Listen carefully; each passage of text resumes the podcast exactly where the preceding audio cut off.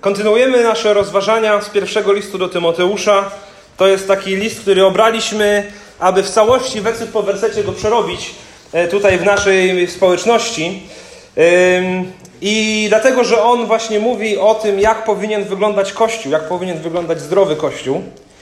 I dochodzimy dzisiaj do fragmentu, e, który, e, czy, czy nie tyle może fragment, ale w ogóle cały temat wzbudza w dzisiejszej kulturze ogromne kontrowersje.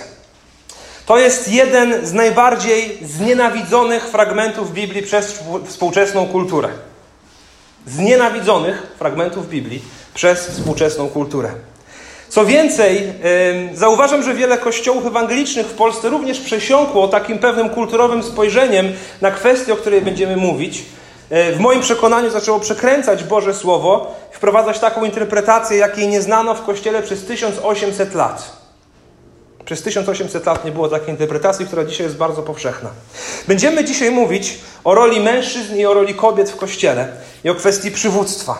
Ale tak naprawdę główna myśl tego tekstu, wersetów, które będziemy czytać, nie dotyczy wyłącznie kobiet. Celem tego tekstu nie było, jak niektórzy uważają, usadzenie kobiet w kościelnych ławkach. Zupełnie nie. Było to coś innego. I jestem też świadom tego właśnie, że, że kobiety w kościele przez wiele wieków nie miały łatwo. Że Kościół szeroko pojęty, w tym, w tym również wspólnoty ewangeliczne, do których my się zaliczamy, przez wiele wieków w wielu zborach, trzeba sobie to jasno powiedzieć, umniejszały kobietom. Umniejszały kobietom. Przymykano oko na złe ich traktowanie w domach i społeczeństwie i wykorzystywano do tego wersety biblijne.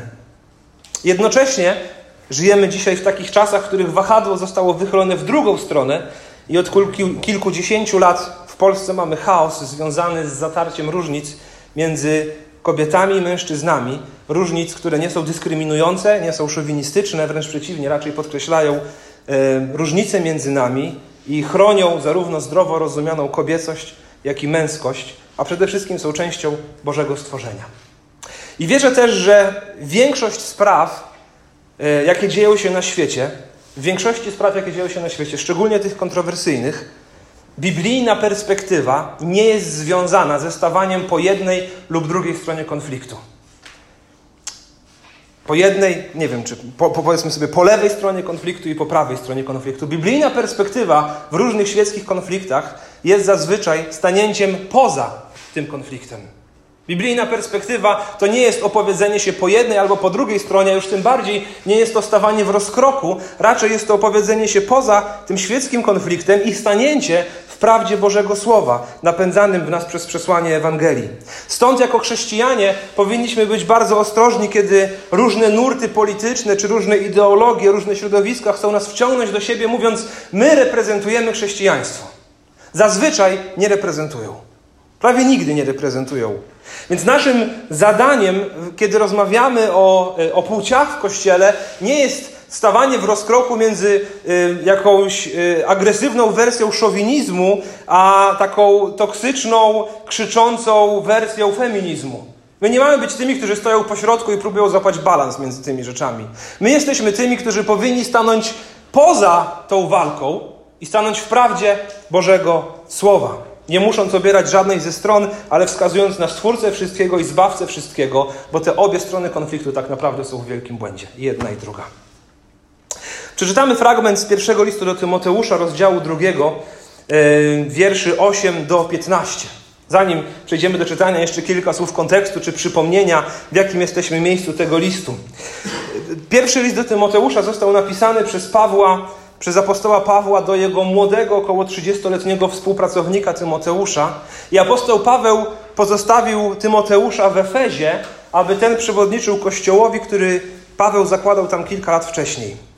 Ilość chrześcijan w Efezie mogła sięgać nawet kilku tysięcy. Było ich na tyle dużo, pamiętacie, że rebelia wybuchała w mieście, bo kupcy tracili pieniądze. O tym czytamy w dziejach apostolskich. Są zapiski historyczne mówiące o tym, że chrześcijanie wynajmowali teatr czy amfiteatr na jakieś wspólne nabożeństwa, więc naprawdę to była duża liczba. Oni zazwyczaj spotykali się po domach, ale pewnie czasami mieli jedno duże wspólne spotkanie. I w takim wielkim środowisku pojawiało się wiele problemów, e, wiele kontrowersji, stąd apostoł Paweł zostawił tam Tymoteusza, aby on poukładał sprawy. I cel tego listu z pisania tego listu znajdujemy w trzecim rozdziale, 15 wierszu. Ten cel jest też mottem tej serii kazań, gdzie apostoł Paweł mówi do Tymoteusza: Masz wiedzieć, jak trzeba sobie radzić w domu Bożym, który jest kościołem żywego Boga, filarem i podporą prawdy. To był cel spisania tego listu, aby y, Tymoteusz wiedział, jak sobie radzić w domu Bożym, który jest kościołem żywego Boga, filarem i podwaliną prawdy.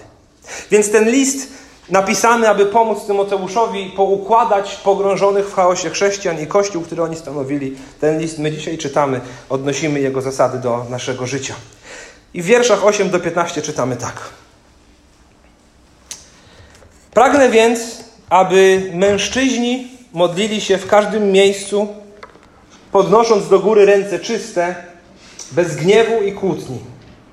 Podobnie też kobiety, kierując się skromnością w ubiorze, niech z godnością i rozsądkiem się przystrajają, nie wyszukaną fryzurą i złotem, czy perłami lub drogim ubiorem, ale dobrymi czynami, jak wypada kobietom, które chcą uchodzić za bogobojne. Kobieta niech się uczy w cichości, w pełnej uległości. Nie pozwalam też kobiecie nauczać ani górować nad mężczyzną, lecz ma trwać w cichości. Pierwszy bowiem został stworzony Adam, potem Ewa, i nie Adam został zwiedziony, lecz zwiedziona kobieta pogrążyła się w grzechu. Zostanie zaś zbawiona przez rodzenie dzieci, jeśli wytrwają w wierze i miłości, prowadząc życie święte i skromne. Rzeczywiście te wersety, tak na, na pierwsze spojrzenie, czy na pierwsze ucho, współcześnie brzmią kontrowersyjnie, ale postaram się pokazać, że tak wcale nie jest, że jest wręcz przeciwnie. Ten tekst myślę, że możemy podzielić na dwie części. Wersety 8 do 10 to jest pierwsza część, gdzie apostoł Paweł mówi o postawie czy o sercu, jakie mężczyźni i kobiety powinni prezentować w czasie spotkań Kościoła. 8 do 10, postawa, serce mężczyzn i kobiet w czasie spotkań Kościoła, w czasie nabożeństw. A potem w wierszach od 11 do 15 czytamy o roli przywództwa i nauczania, e, o kwestii przywództwa i nauczania w życiu Kościoła. Gdyby tych dziewięć wersetów, które przeczytaliśmy, streścić w jakąś jedną główną myśl, czy osiem wersetów, które przeczytaliśmy, streścić w jedną główną myśl, myślę, że e, ona mogłaby brzmieć następująco.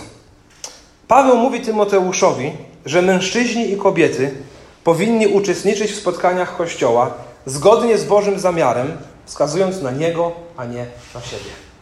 O tym jest ten tekst. Tak, jeszcze raz to przeczytam.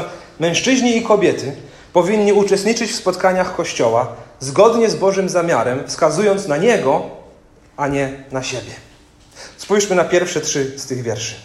Pragnę więc, aby mężczyźni modlili się w każdym miejscu, podnosząc do góry ręce czyste, bez gniewu i kłótni, podobnie też kobiety, kierując się skromnością w ubiorze, niech z godnością i rozsądkiem się przystrajają, nie wyszukaną fryzurą i złotem czy perłami lub drogim ubiorem, ale dobrymi czynami, jak wypada kobietom, które chcą uchodzić za bogobojne.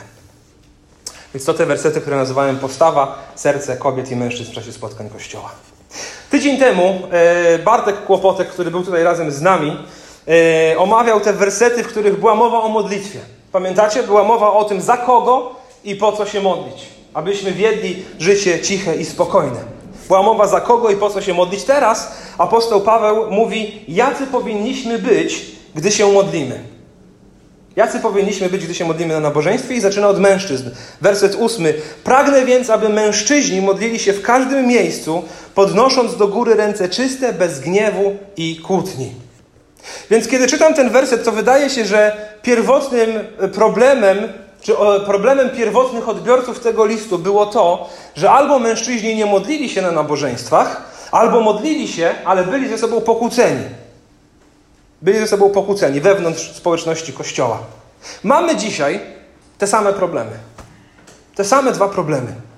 Z mojego doświadczenia e, z pobytu w różnych zborach, na wielu nabożeństwach wynika, że nie zawsze, ale jednak zazwyczaj, zazwyczaj jest tak, że na nabożeństwach modli się zdecydowanie więcej kobiet niż mężczyzn. A jeśli modlą się mężczyźni, to zazwyczaj ci sami. Jest w zborze jakieś grono mężczyzn, którzy chętnie się modlą, ale ogromna, ogromna część z nich milczy. Nie wiem, czy też macie takie doświadczenia. Dla mnie jest to zupełnie niezrozumiałe. Gdy byłem pastorem w Warszawie, y, myślę, że mieliśmy grupę może około 100 mężczyzn, 120, no przepraszam, 120 mężczyzn, którzy byli członkami zboru, może trochę więcej, ale na nabożeństwach regularnie modliło się grono 15 z nich. Nie na każdym nabożeństwie tych 15, ale to grono 15 się modliło. Pozostałych 100 chyba nigdy nie słyszałem ich modlitwy.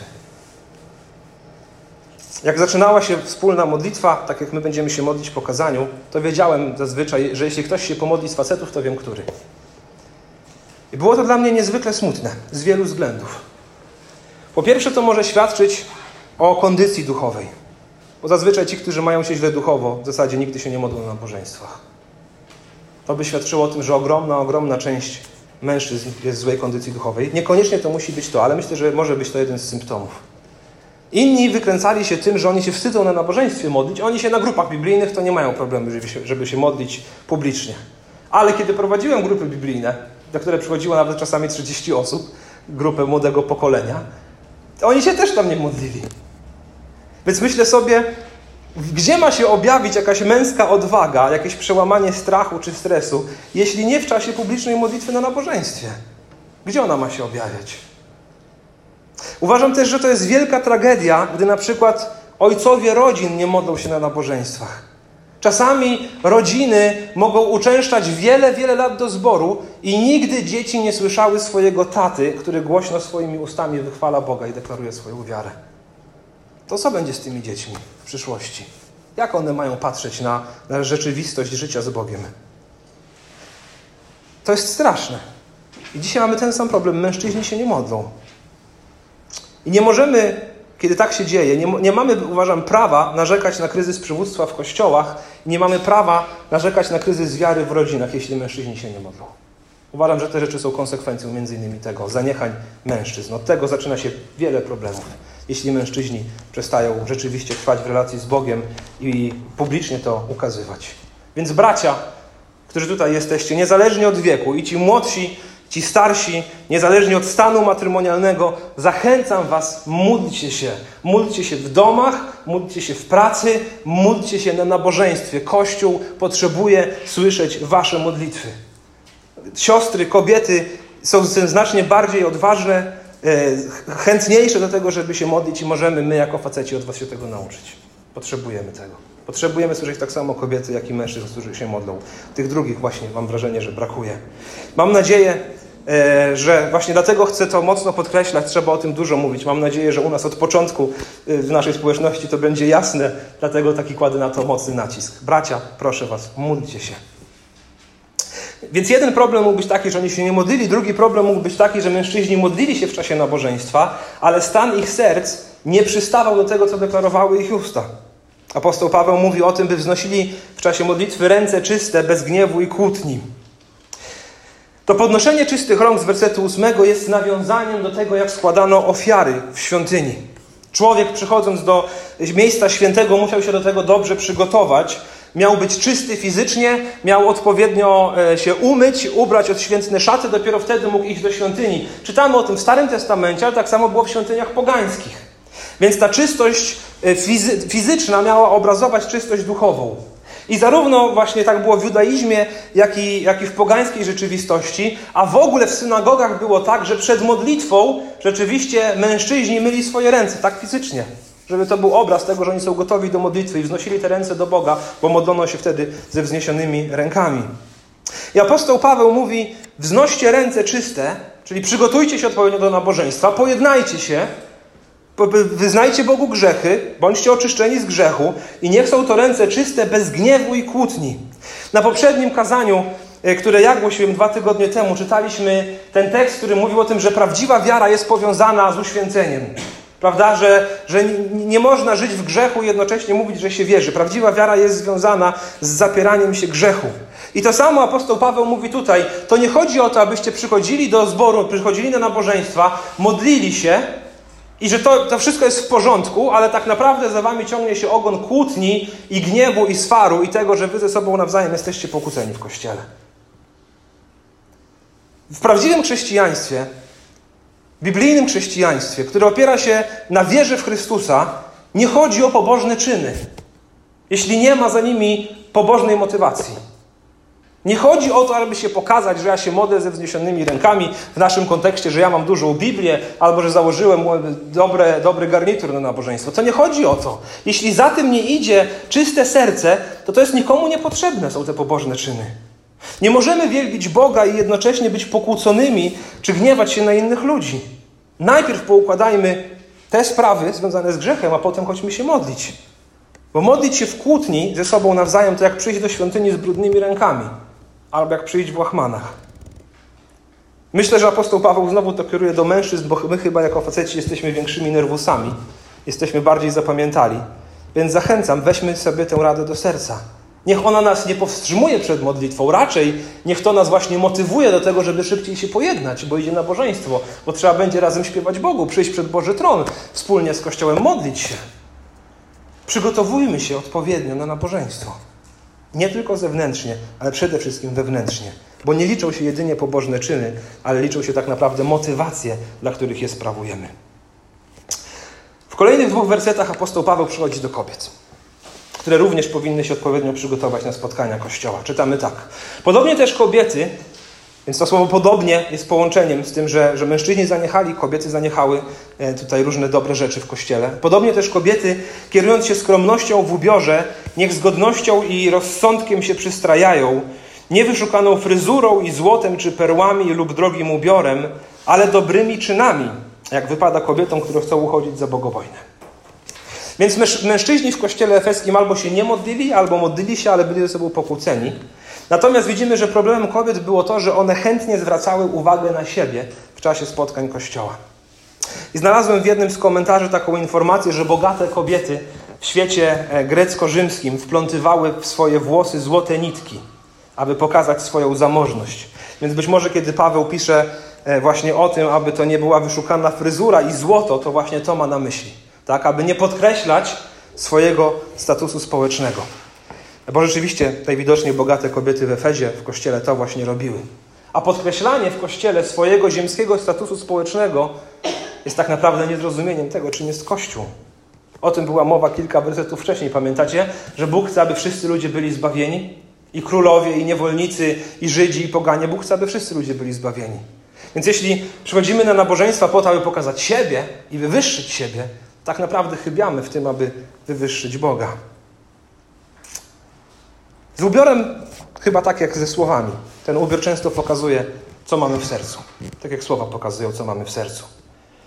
Szczególnie chyba ta zasada jest widoczna w subkulturach. Dzisiaj mam wrażenie, że prawie zaniknęły subkultury, ale jak chodziłem do szkoły, do gimnazjum czy liceum, one były bardzo powszechne subkultury, kiedy wystarczyło spojrzeć na kogoś i po tym, jak on się ubiera, było wiadomo, z czym się utożsamia.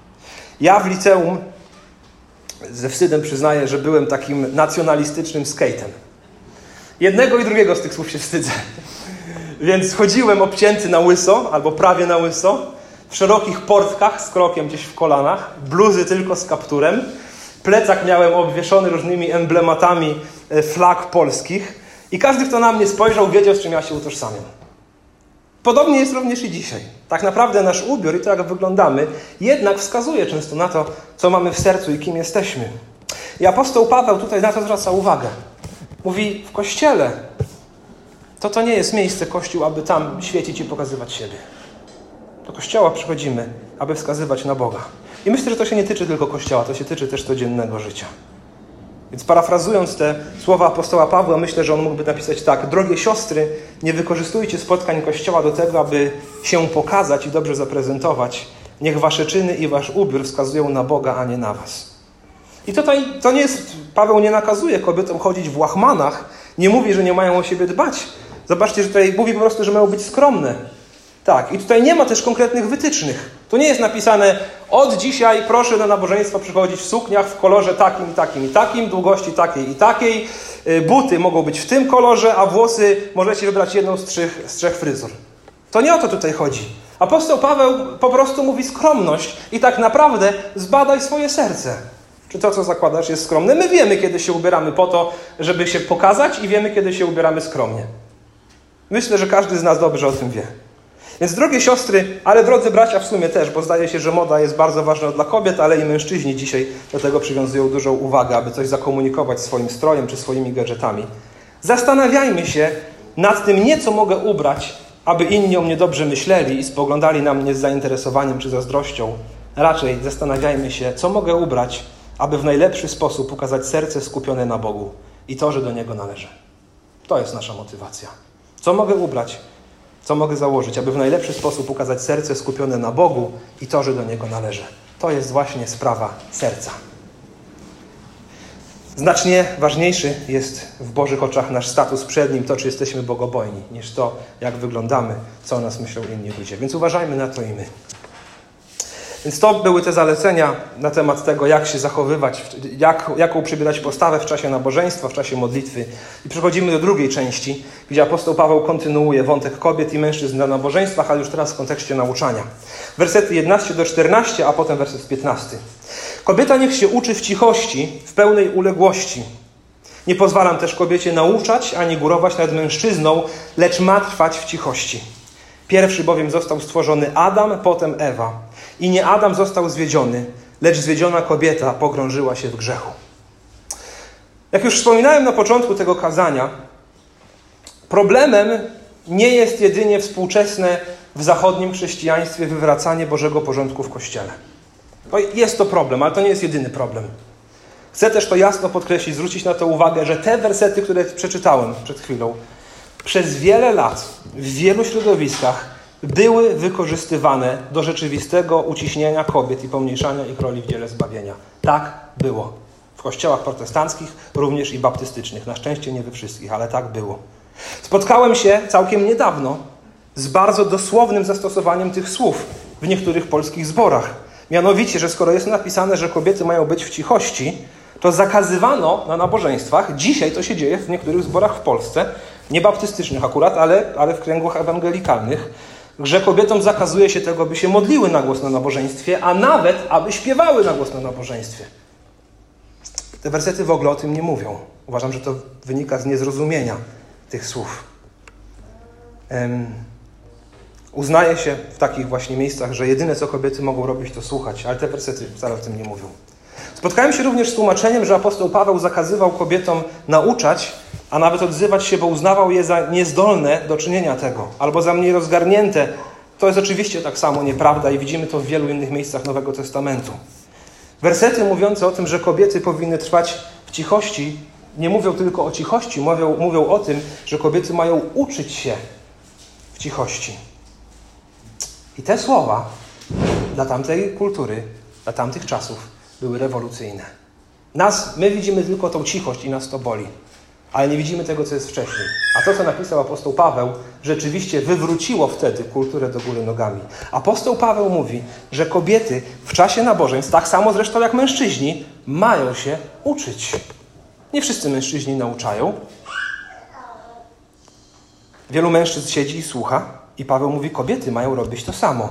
I jest to wywrócenie tamtejszej kultury do góry nogami, dlatego że w wielu synagogach uważano na przykład, że kobiety są niezdolne do nauki, niezdolne do, wykładu, do słuchania wykładu prawa, nie są w stanie go pojąć. I apostoł Paweł mówi, to nieprawda. Ówcześni nauczyciele, tak żydowscy jak, grec, jak i greccy czy rzymscy, w przytłaczającej większości nie przyjmowali kobiet do swoich szkół. Nie przyjmowali ich jako swoich uczniów. Podczas gdy, kiedy patrzymy na służbę Jezusa, to widzimy, że kobiety miały potężny udział w Jego służbie. Widzimy, że były jego uczennicami. Widzimy to w domu Marty i Marii. Pamiętacie, kiedy Maria słuchała słów Jezusa, a Marta się krzątała po domu? Kogo Jezus yy, nagrodził? Marię. Mówiąc właśnie, ty siedzisz i słuchasz, chcesz się uczyć. Marto, weź przykład z Marii, zamiast krzątać się po domu. Chodź się uczyć, chodź posłuchać moich słów. Widzimy to dalej w tym, że Jezus Wierzę, że za swoją suwerenną wolą postanowił, aby to kobiety były pierwszymi świadkami Jego zmartwychwstania. I aby to one pobiegły do apostołów powiedzieć im o tym, że Jezus zmartwychwstał. A było to w czasach, kiedy kobiet w Izraelu nie powoływano nawet na świadków w sądach, bo uznawano, że kobiety są niewiarygodne. Jezus wybrał właśnie kobiety, aby to one powiedziały apostołom o Jego zmartwychwstaniu. Były pierwszymi świadkami tego zmartwychwstania. Pierwszych dwóch rozdziałach dziejów apostolskich widzimy grono 120 uczniów Jezusa zgromadzonych w Jerozolimie, czekających na wstąpienie Ducha Świętego. Są tam mężczyźni i są tam kobiety. W Nowym Testamencie spotykamy Akwilę i jego żonę Pryscyllę i oni jako małżeństwo zajęli się młodym Apollosem i dokładniej wyłożyli mu drogę pańską wspólnie jako małżeństwo. Więc apostoł Paweł, kiedy mówi o tym, by kobiety uczyły się w cichości, tak samo jak mężczyźni na nabożeństwach, aby, się, aby również się uczyli, traktuje kobiety jako takich samych uczniów Jezusa jak mężczyzn. jako godnych do słuchania i przyjmowania nauki chrześcijańskich, tak samo jak mężczyzn. Jest jedno zastrzeżenie w wersecie 12. To, że kobiety nie powinny nauczać na zgromadzeniach Kościoła i być przywódcami, nie mają górować nad mężczyznami. Dlaczego? Jak już starałem się to powiedzieć, nie dlatego, że uważano je za gorsze, wręcz przeciwnie, uważano je za godne bycia uczniami Jezusa dokładnie tak samo jak mężczyzn, ale nakaz ten raczej wynikał z zupełnie innej motywacji. Po pierwsze, myślę, że werset 12 nam wskazuje na to, że yy, gdyby tak było, to zaburzałoby to porządek rodziny. Werset 12 mówi: Nie pozwalam kobiecie nauczać ani górować nad mężczyzną, yy, lecz ma trwać w cichości. Pamiętacie, po co został napisany ten list? Aby Tymoteusz, aby nauczyć Tymoteusza, jak najlepiej sobie radzić w domu Bożym. W domu Bożym, którym jest Kościół. Dom, rodzina, wedle Bożego zamysłu, jest bardzo konkretnie przedstawiona w Piśmie Świętym. Kościół natomiast jest rodziną rodzin. Jest domem domów. Jeśli w kościele, jeśli w domu Pan Bóg nakazał, aby to mężczyźni byli głową domu, e, aby kochali swoje żony, aby oni przewodzili, rodzinie, dlaczego nagle po wyjściu z domu miałoby to być wyrzucone, przewrócone do góry nogami? Myślę, że ten werset 12 właśnie wskazuje na to, że, ta, że to poukładanie rodzinne ma również, czy, czy poukładanie domowe ma być również respektowane w domu Bożym, który jest Kościołem. W liście do Efezjan 5, 22, 25 czytamy to zalecenie. Apostoł Paweł mówi, żony ulegajcie swym mężom jak Panu, jak, jak Chrystusowi. Bo mąż jest głową żony, tak jak Chrystus głową Kościoła. On jest zbawcą ciała. To też jak Kościół ulega Chrystusowi, żony niech to czynią względem mężów we wszystkim. Mężowie natomiast kochajcie swoje żony, tak jak Chrystus ukochał Kościół. On wydał za niego samego siebie. Więc chociaż w swoim posłuszeństwie, w swoim zbawieniu mamy taki sam status, jak my, jako mężczyźni i kobiety, jako mężowie i żony, to jednak mamy różne role. Wedle Bożego zamiaru rodzinie ma przewodzić mężczyzna, który kocha swoją żonę, tak jak Chrystus kocha Kościół.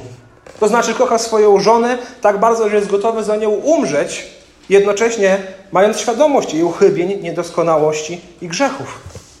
To jest nasze powołanie jako mężów. Tak kochać swoje żony. Żony natomiast mają szanować swoich mężów i ulegać im, czy iść za nimi, czy poddać się pod ich prowadzenie, tak jak Kościół poddaje się prowadzeniu Chrystusa. I nasz współczesny problem polega na tym, że kiedy słyszymy słowo uległość, to natychmiastowo ono nam się kojarzy negatywnie i uwłaczająco. Natomiast gdy słyszymy przywództwo albo bycie głową, to jest to coś pożądanego i kojarzącego się z władzą. Podczas gdy biblijne zastosowanie tych słów wcale takie nie jest. Biblijnie te słowa nie są tak nacechowane. Po pierwsze, przywództwo w Biblii nie oznacza władzy zasiadania na tronie. Zupełnie nie. Przywództwo w Biblii widzimy w postawie Chrystusa, który mówi, że nie przyszedł po to, aby mu służono, lecz aby służyć i oddać swoje życie na okup za wielu. Prawdziwe przywództwo jest poświęceniem, jest sprawowane z miłością do tych, którym się przewodzi i jest przede wszystkim służbą. I każdy, kto inaczej będzie rozumiał przywództwo w rodzinie i kościele, będzie złym przywódcą. Drodzy bracia, drodzy mężczyźni, jeśli nie kochacie swoich żon, tak jak Chrystus ukochał Kościół, jeśli my tego nie robimy, uchybiamy w naszym przywództwie. Jeśli nie jesteśmy tymi, którzy kochają swoje żony, otaczają opieką swoje żony i swoje dzieci, chronią ich, przewodzą im, prowadzą je do Chrystusa, to jesteśmy złymi przywódcami. Więc słowo przywództwo to jest, to jest służba, to jest odpowiedzialność, to nie jest żadne, żadne rozumienie władzy, wręcz przeciwnie, to jest poświęcenie siebie dla innych. Natomiast uległość wcale nie jest związana z czymś uwłaczającym. W 1 Koryntian 11:3 czytamy takie słowa. Bardzo podobny tekst do tego, który dzisiaj rozważamy. Chcę więc, abyście wiedzieli, że głową każdego mężczyzny jest Chrystus, głową każdej kobiety jest mąż, uwaga, a głową Chrystusa jest Bóg. Więc apostoł Paweł mówi: Głową mężczyzny jest Chrystus, głową każdej kobiety jest mąż, głową Chrystusa jest Bóg. Czy to, że głową Chrystusa jest Bóg Ojciec, w jakikolwiek sposób przynosi Chrystusowi ujmę? Absolutnie nie. Grzechem byłoby pomyśleć, że tak jest. I uważam, że to właśnie natura Trójcy Świętej jest najdoskonalszym przykładem przywództwa i uległości. Zobaczcie, Bóg Ojciec, Bóg Syn i Bóg Duch Święty są tak samo boscy. Są, są, mają te same atrybuty boskości. Są sobie równi w swej boskości, a jednak mają inne zadania. Jezus wielokrotnie podkreślał to, że On na ziemi realizuje wolę Ojca i czyni to nie z przymusu, ale czyni to ochotnie. Czy możemy w jakikolwiek sposób powiedzieć, że Jezus był przez to mniej ważny niż Bóg Ojciec? Nie. To są różne role w równości swej godności. Różne role wprowadzają porządek w miejsce chaosu i to widzimy dobrze dzisiaj w świecie, gdzie mamy walkę płci, gdzie mamy podważanie tego w ogóle czym płeć jest. Mamy po prostu jeden potężny chaos. Więc drodzy bracia, bierzcie odpowiedzialność za swoje rodziny, za swoje żony, za swoje dzieci. Kochajcie ich tak, jak Chrystus kocha Kościół. Kawalerzy, czy kawalerowie? Kawalerzy. Szukając żon, szukajcie takich żon, którym będziecie chcieli przewodzić, troszcząc się o nich, kochając ich z radością, prowadząc ich do Chrystusa. Drogie siostry, żony, poddawajcie się prowadzeniu waszych mężów i szanujcie ich tak, jak Kościół szanuje Chrystusa. Drogie panny, znajdźcie takich mężów, za którymi właśnie będziecie chciały podążać i których On będzie was prowadził do Chrystusa. I tu można by się oczywiście podchylić nad tematem tego, czy są granice tego prowadzenia, czy, czy tej uległości. Myślę, że są. Myślę, że te granice są wyznaczane przez grzech, ale to nie jest dzisiejszy temat, więc nie chcę w to mocniej wchodzić. Jak ktoś jest zainteresowany, opowiem o tym przy innej okazji albo po nabożeństwie. Więc wracamy do tekstu. Po pierwsze widzimy, że Kościół jako dom Boży odzwierciedla zasady panujące w rodzinie. Mężczyzna jest głową rodziny, ma sprawować swoje przywództwo jako sługa pełen miłości. Tak samo przywództwo i nauczanie w Kościele, czyli role starszych, przypisane są wyłącznie mężczyznom i będziemy omawiać to za tydzień. Zobaczcie, wspomniałem o tym, jak kobiety odgrywały ważną rolę w służbie Jezusa. Prawda? Jednocześnie Jezus na dwunastu apostołów, przywódców, na których zbudowany będzie Kościół, nie wybrał żadnej z kobiet. Nie dlatego, że były one mniej kompetentne. Często widzimy, że to one tam wnosiły wiele dobrego. Y, nawet czasami były mądrzejsze od tych uczniów. Y, jednocześnie to, to mężczyzn Jezus wybrał na to, aby, aby sprawowali tę rolę przywódczą. W Nowym Testamencie spotykamy wiele kobiet, które mają różne służby. Wymienię to pod koniec kazania. Niektóre z nich nawet prorokowały w czasie nabożeństw, więc zabierały głos w kościele. Inne były diakonisami, więc służyły kościołowi, służyły ludziom, ale nie spotykamy ani jednej, która byłaby pastorem, albo która byłaby starszym czy nauczycielem całego zboru. Tę funkcję Bóg przypisał mężczyznom i znowu nie wszystkim. Tak naprawdę niewielu, tym, którzy mają do tego odpowiedni charakter i odpowiednie umiejętności. Po drugie, apostoł Paweł odnosi się, oprócz do porządku rodziny, odnosi się do porządku stworzenia w kontekście męskiego przywództwa w kościele i nauczania. I znowu często spotykałem się z twierdzeniem tych, którzy wprowadzają kobiety na urząd pastorów, że to było zalecenie kulturowe, bo kobiety wtedy były mniej wykształcone. Ale to nieprawda. Zobaczcie, apostoł Paweł nigdzie w swojej argumentacji nie odnosi się do kultury. On odnosi się do domu, do porządku domowego i odnosi się do porządku stworzenia. Werset 13 i 14. Pierwszy bowiem został stworzony Adam, potem Ewa. I nie Adam został zwiedziony, lecz zwiedziona kobieta pogrążyła się w grzechu. To cytaty z Księgi Rodzaju. Zachęcam, sięgnijmy teraz właśnie do tamtego miejsca, aby e, zajrzymy do kilku wersetów, aby sobie to dobrze poukładać. Księga Rodzaju, rozdział pierwszy, wersety 26 i 27, e, czyli stworzenie człowieka. Następnie Bóg powiedział: Uczyńmy człowieka na nasz obraz, na nasze podobieństwo. Werset 27. Stworzył więc Bóg człowieka na swój obraz, stworzył go na obraz Boga, stworzył ich jako mężczyznę i kobietę. Mężczyzna i kobieta są stworzeni w równości przed Bogiem. Noszą tak samo w sobie obraz Boga, są stworzeni tak samo na Jego podobieństwo. Jednocześnie w drugim rozdziale Księgi Rodzaju, gdzie mamy opis szczegółowy stworzenia człowieka i Edenu, widzimy to, że Adam został stworzony jako pierwszy, widzimy, że Bóg dał mu zadanie i widzimy, że on sam nie był w stanie temu zadaniu podołać. Nie był w stanie Adam sam spełnić Bożej woli. Więc Bóg stwarza kobietę, którą dzięki niej tak naprawdę Adam i Ewa mogą wspólnie tę Bożą wolę wypełniać. Dzisiaj jest to samo, jak dostaje jakieś zadanie od Boga albo gdziekolwiek indziej, zazwyczaj sam nie daje rady. Moja żona jest tą właśnie, dzięki której tak naprawdę to wszystko jest możliwe. Ciekawe jest też to, że pamiętacie, y, Bóg mówi: stworzę pomoc odpowiednią dla niego. I znowu, jak my słyszymy pomoc dla mężczyzny, to mamy nacechowanie negatywne. Pomoc, wiecie, jak pomoc domowa, pomoc kuchenna.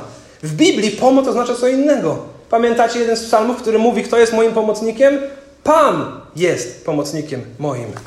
Kiedy Bóg mówi o tym, że daje kobietę Adamowi jako pomoc, to nie jest nic uwłaczającego, bo Pan Bóg sam się e, określa tym, który jest pomocnikiem człowieka, dzięki któremu właśnie możliwe jest to, aby człowiek funkcjonował czy spełniał Boży plan zbawienia. Tak samo tutaj jest z kobietą. Jednocześnie jednak to Adam był tym, który przewodził tej rodzinie. Będziemy to za chwilę omawiać. Bo pamiętacie, do kogo przyszedł Pan Bóg, e, kiedy Adam i Ewa upadli? Kogo jako pierwszego przyszedł rozliczać? Adama. Kto pierwszy zerwał owoc? Ewa. Kto pierwszy był rozliczony? Adam. Od początku stworzenia świata, zanim jeszcze wdarł się grzech na świat, Bóg ustanowił Adama jako tego, który ma być głową, tego, którego potem rozliczał. I to w upadku, e, i to w upadku to Adam jest tym, który zaniedbał swoje przywódcze obowiązki ochrony i troski o swoją żonę. Werset 14. Nie Adam został zwiedziony, lecz zwiedziona została, lecz zwiedziona kobieta pogrążyła się w grzechu. Werset 14 pokazuje nam, co się dzieje, gdy wywrócony zostaje Boży porządek funkcjonowania rodziny. Werset 14 pokazuje, co się dzieje, gdy wywrócony zostaje Boży porządek funkcjonowania rodziny. Gdy szatan zwiódł Ewę, gdzie był Adam? Obok niej. Księga Rodzaju 3:6. Kobieta przyjrzała się owocom, wydały jej się warte spróbowania, wyglądały pięknie, a ponadto dzięki nim mogło się ziścić jej pragnienie poznania. Sięgnęła więc po owoc, zerwała i zjadła, podała też mężowi, który z nią przebywał. On również zjadł. Werset 14 pokazuje, co się dzieje, kiedy mężczyźni zaniechają powołania, które dał im Bóg. Adam był obok. Adam był tym, któremu jako pierwszemu Pan Bóg mu powiedział, co, co, jak, jak Eden funkcjonuje, co można jeść, czego nie można jeść. Ewa na pewno o tym wiedziała. Jednocześnie, kiedy Adam odpuścił jako przywódca i pozwolił na to, aby e, przy, przypatrywał się biernie temu, jak Ewa rozmawia z wężem, przypatrywał się biernie temu, jak zrywa owoc, sam od niej ten owoc wziął i go zjadł. Na świat wchodzi grzech. Adam stał tuż obok, przebywał obok niej. I chwilę później Bóg przychodzi do Adama, aby go z tego rozliczyć. Gdy Boży zamysł zostaje przewrócony do góry nogami, złe rzeczy dzieją się na świecie, złe rzeczy dzieją się w rodzinie i w kościele. Ten tekst nie oznacza, że kobiety są bardziej uległe szatanowi, bo i z taką się spotkałem y, interpretacją. Zupełnie nie. Ten tekst pokazuje, ten werset pokazuje, co się dzieje, gdy mężczyźni opuszczają swoją rolę głowy rodziny. Więc podsumowując argumentację apostoła Pawła i przewoli przechodząc do końca, kobiety i mężczyźni są równi swej godności przed Bogiem, w noszeniu obrazu Boga w sobie, w zbawieniu, są równi, ale mają inne role. Tak jak widać to również w naturze Trójcy Świętej. Są równi, równe trzy osoby święte, a jednocześnie mają różne role. Kobiety i mężczyźni mają nie tylko słuchać na nabożeństwach, ale mają uczyć się w czasie spotkań Kościoła. Jednocześnie rola przywódcza jest powierzona mężczyznom, chociaż nie wszystkim. Rolę nauczycieli i przywódców, czyli starszych, mają spełniać konkretni mężczyźni, którzy wykażą się odpowiednim charakterem i zdolnością do nauczania, o czym za tydzień będzie mówił brat Bartosz Birnbaum. Kobiety natomiast nie mają przyjmować roli przywódców i nauczycieli Kościoła, bo Kościół jest rodziną rodzin, bo porządek rodziny ma być utrzymany w Kościele, bo przywództwo zostało przez Boga powierzone mężczyznom od początku stworzenia świata i gdy pierwszy mężczyzna nie spełnił tej funkcji jak należy, grzech wszedł na świat. To nie znaczy, że kobiety nigdzie nie mogą pełnić roli przywódczej. W biznesie na przykład czynią to bardzo dobrze, nawet w polityce. Nauczycielami jak najbardziej są świetnymi. Mamy tutaj kilka nauczycielek dzisiaj na tej sali. Znam kilka bogobojnych kobiet, które pełnią bardzo poważne funkcje głowy w różnych firmach. I yy, no, są przywódcami tych firm, a jednak gdy wracają do domów, to z przyjemnością oddają się pod prowadzenie swoim, swoim mężom. I tak samo postępują w kościele, poddając się pod prowadzenie starszych. Nawet w naszym seminarium w Warszawie mamy kilka kobiet, które prowadzą wykłady i oceniają przyszłych pastorów i są kompetentne w posiadanej wiedzy, są kompetentne w umiejętnościach nauczania. Nie widzę żadnego problemu, aby prowadziły tam wykłady z różnych dziedzin, bo to nie jest rodzina i to nie jest kościół. We wszystkich innych miejscach to może bardzo różnie funkcjonować. W rodzinie autorytet nad, nad żoną ma mieć mąż, mają prowadzić. W kościele czynią to starsi dla całego kościoła, nie tylko dla kobiet, ale również i dla mężczyzn. I chcę to też jasno powiedzieć y, nad każdą kobietą autorytet ma tylko jej mąż. Żaden inny mężczyzna nie ma tego autorytetu. To myślę, że to powinno bardzo jasno wybrzmieć. Kobiety są również w Biblii zachęcane do nauczania, bo widzimy, że wiele z nich miało dar nauczania i ma dzisiaj dar nauczania. W liście Tytusa czytamy, że starsze kobiety nauczały młodsze kobiety. W drugim liście do Tymoteusza widzimy, że mama i babcia nauczyły wiary Tymoteusza. Więc jest wiele dziedzin, gdzie ten dar nauczania może być rozwijany. I wchodzimy do ostatniego wersetu 2.15. Kobieta zostanie zbawiona przez rodzenie dzieci, jeśli wytrwają w wierze i miłości, prowadząc życie święte i skromne. Jest kilka możliwości przetłumaczenia tego wersetu. Długo się, naprawdę się długo głowiłem nad tym, jak to powinno być dobrze oddane. Uważam, że w tym tekście, w tym tłumaczeniu nie do końca tak jest. To, że kobieta będzie zbawiona przez rodzenie dzieci, oczywiście nie oznacza, że zbawienie dla kobiet nie jest z wiary. Myślę, że ta sprawa się rozjaśnia wtedy, gdy spojrzymy na cały kontekst problemu zboru efeskiego. Gdy będziemy w naszej wędrówce iść dalej przez pierwszy Tymoteusza, to w czwartym rozdziale zobaczymy, że fałszywi nauczyciele w Efezie zabraniali ludziom wchodzić w związki małżeńskie. Natomiast w, w piątym rozdziale będzie mowa o tym, że młode wdowy, zapewne pod wpływem właśnie nauk tych fałszywych nauczycieli, nie chciały ponownie wchodzić w związki małżeńskie. Zamiast tego, jak pisze Paweł, zajmowały się bezczynnymi rzeczami, tak naprawdę niszcząc Kościół. Podobnie sytuacja w tym zborze utrzymywała się w drugim liście do Tymoteusza, więc wciąż w zborze w Efezie, w, w trzecim rozdziale, szóstym wersecie, czytamy o tym właśnie, że, że te kobiety, które y, nie były wtedy małżeństwa, czy nie miały dzieci, chodziły po domach, pamiętacie, plotkowały. Apostoł Paweł tam mówi o babskich baśniach.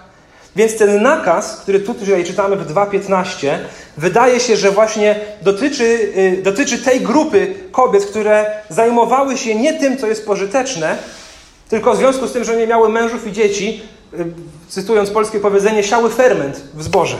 Więc apostoł Paweł mówi: zajmijcie się tym, co jest dobre. Dlatego zachęca te kobiety, by nie trudniły się próżniactwem, ale realizowały swoje zbawienie nie przez walkę o przywództwo w kościele, ale zamiast tego zajęły się troską o swoje domy, wychowywaniem i przewodzeniem swoim dzieciom. Więc ten werset nie mówi raczej o przyczynie zbawienia, raczej o kontynuowaniu zbawienia. To są kobiety, które już były w kościele, więc zakładamy, że były wierzące, jednocześnie popadły w jakieś odstępstwo i apostoł Paweł mówi im, że będą zbawione, albo żeby właśnie kontynuowały swoje zbawienie poprzez rodzenie dzieci i wychowywanie ich. Natomiast końcówka tego wersetu, gdy zachowają, gdy wytrwają w wierze, miłości, prowadząc życie święte i skromne, Jestem przekonany, że to się odnosi nie do dzieci, ale właśnie do tych kobiet. I tak też niektóre polskie tłumaczenia to oddają. Więc kobieta, powiedzmy, że ja bym to przetłumaczył następująco, jest to i, i tak niektóre przekłady anglojęzyczne to oddają. Kobieta będzie kontynuowała swoje zbawienie przez rodzenie dzieci, jeśli wytrwa w wierze i miłości, prowadząc życie święte i skromne. Myślę, że tak to najlepiej by brzmiało. Znowu, to nie znaczy, że kobiety, które pracują zawodowo w jakichś korporacjach, nie realizują swojego uświęcenia. Nie powinniśmy traktować tego wersetu jako zakazu pracy zarobkowej dla kobiet. E, bo widzimy na przykład w dziejach apostolskich Lidię, pamiętacie, która była bizneswoman w Filipi. Raczej te, ten werset w kontekście właśnie problemów w kościele efeskim jest nakazem dla tych kobiet, które były w zborze i jednocześnie y, no, próżnowały w jakiś sposób, nie chciały małżeństwa, nie chciały dzieci, zamiast tego siały niezgody i spustoszenie w zborze. Wtedy apostoł Paweł im mówi, kontynuujcie swoje zbawienie w zupełnie inny sposób. Jeśli tak jest u nas, ten zakaz tak samo nas dotyczy. Powiedziałem na początku tego kazania, że główna myśl tego fragmentu brzmi następująco. Mężczyźni i kobiety powinni uczestniczyć w spotkaniach Kościoła zgodnie z Bożym zamiarem, wskazując na Niego, a nie na siebie. Dziwię się, że tak wiele zborów porzuca ten właśnie Boży zamiar, który pokazuje naszą komplementarność to, jak my się możemy zazębiać i uzupełniać, a nie ze sobą rywalizować. Przez 1800 lat Kościół tak nauczał. I było to bardzo jasne. Oddając szacunek e, i miłość kobietom. Dopiero w XIX wieku wdarło się to nowe nauczanie, które stale się rozwija, wchodzi do naszych kościołów. I głoszą je ludzie, którym wielu z nich absolutnie nie odmawiam zbawienia. Ale dziwi mnie to przekonanie, że przez 18 wieków rzekomo chrześcijanie mieli być w błędzie i nie rozumieli tych słów i nagle w XIX wieku klapki nam opadły z oczu i wszystko się wyjaśniło. Myślę, że tak nie jest. Na koniec chcę nas zabrać do samego początku tego fragmentu. Wiem, że już drugi raz mówię, że na koniec, ale naprawdę na koniec. Chcę nas zabrać do samego początku tego fragmentu. I zobaczyć, co jest motorem napędowym całego tego przesłania, tego, tego zbadania swojego serca. Zobaczcie, werset ósmy zaczyna się od słów pragnę więc, albo pragnę zatem. To słowo więc albo słowo zatem jest łącznikiem z tym, co było wcześniej. A co było wcześniej? Wcześniej od wiersza 5 czytaliśmy, gdyż jeden jest Bóg, jeden pośrednik między Bogiem a ludźmi, człowiek Chrystus Jezus. On siebie samego złożył na okup za wszystkich na świadectwo swoim czasom. Właśnie w tym celu zostałem ustanowiony heroldem i apostołem, mówię prawdę, nie kłamię, nauczycielem pogan co do wiary i prawdy. W związku z tym, zatem, więc chcę, aby mężczyźni modlili się w każdym miejscu. To, co jest wcześniej, to jest Ewangelia i to jest mowa o Jezusie Chrystusie. Apostoł Paweł przypomina po raz kolejny Ewangelię w dwóch wersetach. W pierwszym rozdziale czynił to w dłuższym fragmencie. Tutaj przypomina dwa wersety i mówi: W związku z tym przesłaniem Ewangelii, w związku z tym, że ja zostałem ustanowiony heroldem, apostołem tej Ewangelii, tego Chrystusa, mówię prawdę, nauczycielem pogan, w związku z tym przekazuję Wam nakaz związany z y, Waszym zachowaniem w czasie spotkań Kościoła. Wcześniej jest przesłanie o Jezusie i o Ewangelii. I świadomość Ewangelii, świadomość odkupienia, świadomość oczyszczenia przez Jezusa Chrystusa powinna być tym, co właśnie pcha nas do troski o czyste serce, do troski o dobre nastawienie wobec siebie nawzajem, do troski o to, aby nie wywyższać się ponad siebie nawzajem, do troski o to, że skoro respektujemy Boży plan zbawienia, to abyśmy respektowali Boży plan we wszystkich innych dziedzinach życia. Tak naprawdę, jeśli będziemy mieli to serce przemienione przez Chrystusa, o którym jest mowa wcześniej, będziemy naprawdę kochać Chrystusa, nie będziemy się kłócić, nie będziemy ze sobą walczyć. Mężczyźni będą przewodzić z miłością swoim, swoim żonom. Żony będą chciały, tak jak Kościół za Chrystusem, iść ze swoimi mężami. Starsi będą uczciwie, y, mądrze, z pokorą prowadzić zbory. Ci, którzy nie są starszymi, ich serca będą przemieniane przez zwiastowanie Bożego Słowa. Wszystko tak naprawdę zaczyna się od przesłania Ewangelii i od przesłania Chrystusa. Więc drodzy, szanujmy Boże zamiary, bo to są najlepsze zamiary. Mężczyźni, módlcie się i módlcie się z czystym sercem. Kobiety, niech wasz ubiór i postawa podkreślają przede wszystkim piękno waszych serc. Respektujmy Boży porządek stworzenia w domu Bożym. Nie musimy stać w rozkroku między szowinizmem a feminizmem, próbując złapać jakiś balans. Możemy stanąć zupełnie poza tym układem, stanąć w prawdzie Słowa Bożego, oparci na fundamencie Ewangelii. Mężczyźni, bierzmy odpowiedzialność za nasze rodziny, służąc i troszcząc się o tych, których dał nam Bóg. Bo gdy mężczyźni nie wywiązują się ze swojego zadania, to oznacza zawsze kłopoty. Widzimy to w ogrodzie Eden. I zawsze wskazujemy na niego, a nie na siebie. Chcę zakończyć y, przytaczając kilkanaście punktów, które opracował pastor Robert Miksa z Gdańska. Ja je tylko lekko zmodyfikowałem, które podsumowują całe biblijne nauczanie y, i biblijny kontekst obrazu kobiet na przestrzeni całej Biblii. Posłuchajcie. Kobieta jest istotą noszącą w sobie obraz i podobieństwo Boga, tak samo jak mężczyzna. Ewa jest tą, która jako pierwsza uległa potrzebom szatana i wypowiedziała posłuszeństwie Bogu. I to wszystko działo się przy, wturo, przy wtórującej, milczącej aprobacie Adama. W Starym Testamencie kobiety są pod szczególną Bożą opieką, zwłaszcza wtedy, gdy są wykorzystywane i pogardzane. Bóg nazywa siebie ich mścicielem.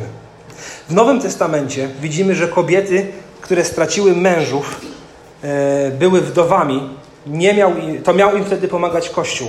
Mężczyźni takiego przywileju nie mieli, aby o nich Kościół się troszczył. Kobiety towarzyszą Jezusowi i uczą się od Jezusa.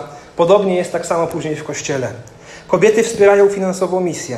Kobiety są współpracownikami apostołów i misjonarzy, chociaż nie widzimy, by obejmowały funkcje starszych zborów albo pastorów. Kobiety są i powinny być zaangażowane w duszpasterstwo i nauczanie innych kobiet. Kobiety są zaangażowane w nauczanie dzieci, tak samo jak mężczyźni. Kobiety pełnią funkcje administracyjne, składają osobiste świadectwo wiary. Kobiety są pierwszymi świadkami zmartwychwstania. Kobiety śpiewają i modlą i prorokują publicznie w, kościołach, w pierwszych kościołach. Prowadzą służbę miłosierdzia i opiekują się potrzebującymi, szczególnie prześladowanymi. Przyjmują gości, szczególnie misjonarzy. Pełnią wszelkie dobre uczynki z całą gorliwością. Uczą młodsze kobiety, by kochały swoich mężów i dzieci i innych domowników, tak by imieniu Bożemu nie bluźniono. Uczą inne kobiety, by robiły to samo. Kobieta jest jedyną istotą zdolną do rodzenia dzieci, w przeciwieństwie do mężczyzn. To myślę, że dzisiaj niestety trzeba podkreślić do dzisiejszego świata. Kobiety mają ogromny wpływ na swoje dzieci, a w szczególności na system wartości, jaki im wpajają. Wychowują swoje dzieci i zarządzają własnymi domami. I od ich moralności zależy życie niemowląt. Mężczyźni i kobiety, tak wiele od Was zależy.